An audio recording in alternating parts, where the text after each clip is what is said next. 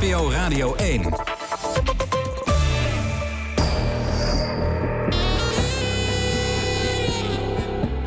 Argos. Onderzoeksjournalistiek van Human en de VPRO. Erik Arends. Goedemiddag en welkom bij Argos. Begin dit jaar werd verdachte Jos B. in hoger beroep veroordeeld tot 16 jaar gevangenisstraf wegens de vrijheidsberoving, het plegen van ontucht en doodslag op de 11-jarige Nicky Verstappen. Maar het bewijs tegen Jos B. rammelt, zeggen drie deskundigen. U hoort daarover zo dadelijk de details. Nu eerst Oekraïne. Fotograaf Eddy van Wessel vertrok vorige week richting de Donbass om verslag te doen van de oorlog daar. Hij staat bekend om zijn indringende zwart-wit foto's, waarmee hij al drie keer de zilveren camera won. Voor Argos evalueert hij elke week zijn foto's en vertelt hij het verhaal achter zijn beelden. Eddy is op dit moment in Kharkiv, vlakbij de grens met Rusland. De foto's waarover hij vertelt kunt u zien op onze site argosonderzoekt.nl. Luistert, luistert u naar een bijdrage van Elle van den Berg.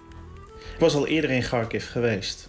En inmiddels zijn natuurlijk de Russen al een behoorlijk stuk rondom Kharkiv omsingeld.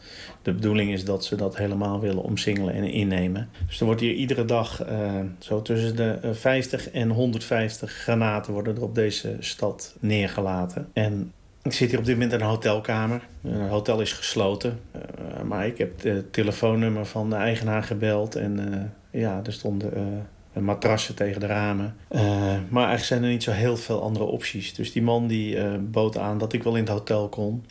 Ik de achteringang en aan de voorkant uh, is absoluut niet te zien dat er iemand in het hotel zit. Dus ik ben zo gezegd de eregast hier.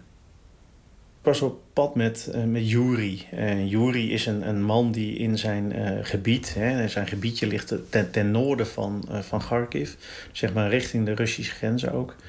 Um, en ook richting Russische posities. Hij kwam me ophalen met, zo'n, met zijn oude Lada en uh, uh, sprong erin. Uh, ik had een extra kogelvrij vest voor hem meegenomen. En dat, dat heeft hij aangedaan en we zijn gaan, gaan rondscheuren. En hij heeft, mij, hij heeft mij eigenlijk alles laten zien van zijn stad of stadje. Het is eigenlijk meer een, een dorpje waar, waar je naar kijkt. Het is een landelijk gebied. En uh, ja, hij wees dus naar de tanks die tussen de bomen staan. En de soldaten die zich eigenlijk zoveel mogelijk onzichtbaar proberen te maken. Omdat je je natuurlijk tegen een bom niet kunt wapenen. Dus als je je dan vanuit de lucht niet zien, dan uh, ja, heb je misschien ook wel een goede kans om het er levend vanaf te brengen. Nou, na, na, na een paar uur vond hij te gevaarlijk worden. Want hij zei van ja, hè, zo, zo rond 11 uur beginnen over het algemeen de bombardementen. Op een of andere manier is het in de nacht en is het in de ochtend weer even wat rustiger. En dan aan het einde van de ochtend uh, begint het weer. Dus hij heeft, mij, uh, hij heeft mij afgezet. En de volgende dag was ik er terug, maar met een, met een ambulance team.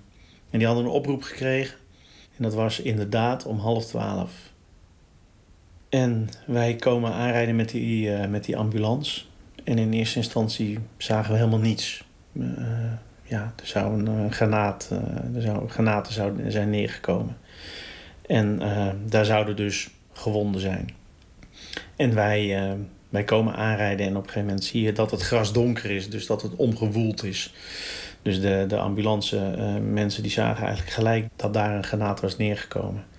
Dus we zijn daar gestopt en daar lagen drie mensen. En alle drie inmiddels uh, overleden.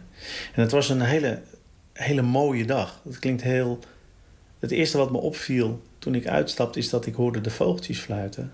En uh, het was bijna zomers weer. Dus mensen waren buiten. En uh, inmiddels blijven mensen ook niet meer binnen, want die oorlog wendt. En die bommen vallen altijd. Dus op het moment dat je altijd binnen zit ja, dan kun je helemaal niets. En dat zijn natuurlijk mensen die gewend zijn om buiten te zijn, hè, in, in een tuin te werken of hun land te bewerken. Maar het zijn, het zijn buitenmensen, het zijn, het zijn ook geen stadsmensen meer.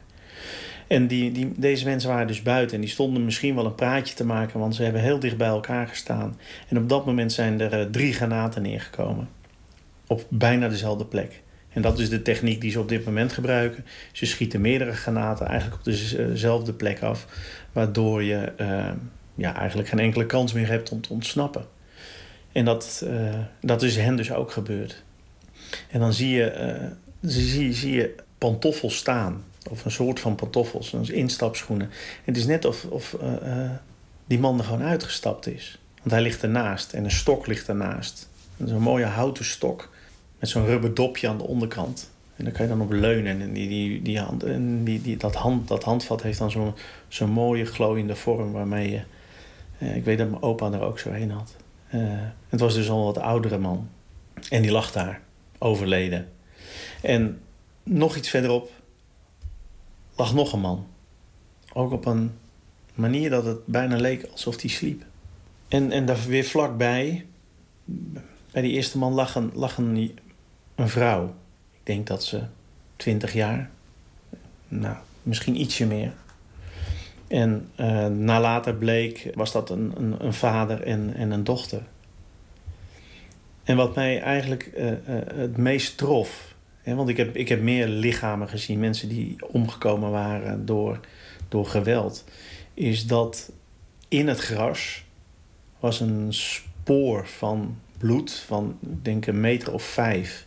Je zag dus dat de vrouw geprobeerd heeft om haar vader te bereiken. Uh, zij, lag, zij is dus vijf meter verderop geraakt. En dat heeft ze gehaald. Maar ze heeft het niet overleefd. En, en haar vader dus ook niet. Ja, en dat was een hele. Dat was het meest pijnlijke. Voor mij althans. Dat je daar buiten staat en dat dan het leven gewoon weggenomen wordt. Wordt je gewoon afgenomen. Ja, en dat is inmiddels een paar dagen geleden, want we zitten inmiddels op de 27e. We hebben het, uh, het is Koningsdag in Nederland. En die, uh, die beelden die achtervolgen je. Dus, dus uh, we, hebben een, we hebben een buurman gesproken, die, die stond erbij. En die, die kreeg van de ambulancemedewerker de, de, de, telefoons. Want de telefoons lagen in dat... Op een of andere manier gaan telefoons niet kapot. Ik weet niet hoe het werkt, maar op het moment dat er een bom valt, blijft de telefoon heel. En de mensen aan de andere kant ergens anders probeerden deze telefoons te bereiken. Dus er lagen op een gegeven moment twee telefoons in het gras te rinkelen. Uh, en dat was een, een hele enge, onwerkelijke situatie.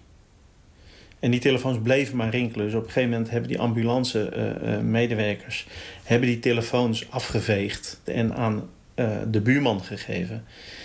En de buurman werd daarmee ja, min of meer de, de boodschapper van het fatale nieuws. Ja, dus dat is wat er gebeurt als je op een zonnige dag buiten staat in Kharkiv. Dan houdt het leven gewoon op. Ik heb dus geprobeerd om met die schaduwen te spelen. Dat de takken van de bomen waren ook door die granaten als het ware afgeknapt. En die takken die lagen in het gras. En die stonden een beetje omhoog. En dat licht dat streelde er zo overheen. En die maakte van die hele lange schaduwen in het grasveld. Dat mooie groene gras uh, wat het voorjaar kan hebben. En daar in het centraal uh, lag in dit geval die, die oudere man. Die, die dus niet bij de man en de dochter lagen. En die, op een of andere manier gingen die schaduwlijnen, die, die, die, die tentakels van die schaduw, die, die, die, ja, die grepen zijn lichaam. En ik vond dat uh, wel iets symbolisch hebben. Uh, van die zwarte lijnen die je dan associeert met iets slechts, iets kwaads. U hoorde fotograaf Eddie van Wessel uit het oorlogsgebied in en rond de Oekraïnse stad Kharkiv. En zoals gezegd, de foto's waar Van Wessel zojuist over vertelde zijn te zien op onze site argosonderzoekt.nl. Volgende week hoort u het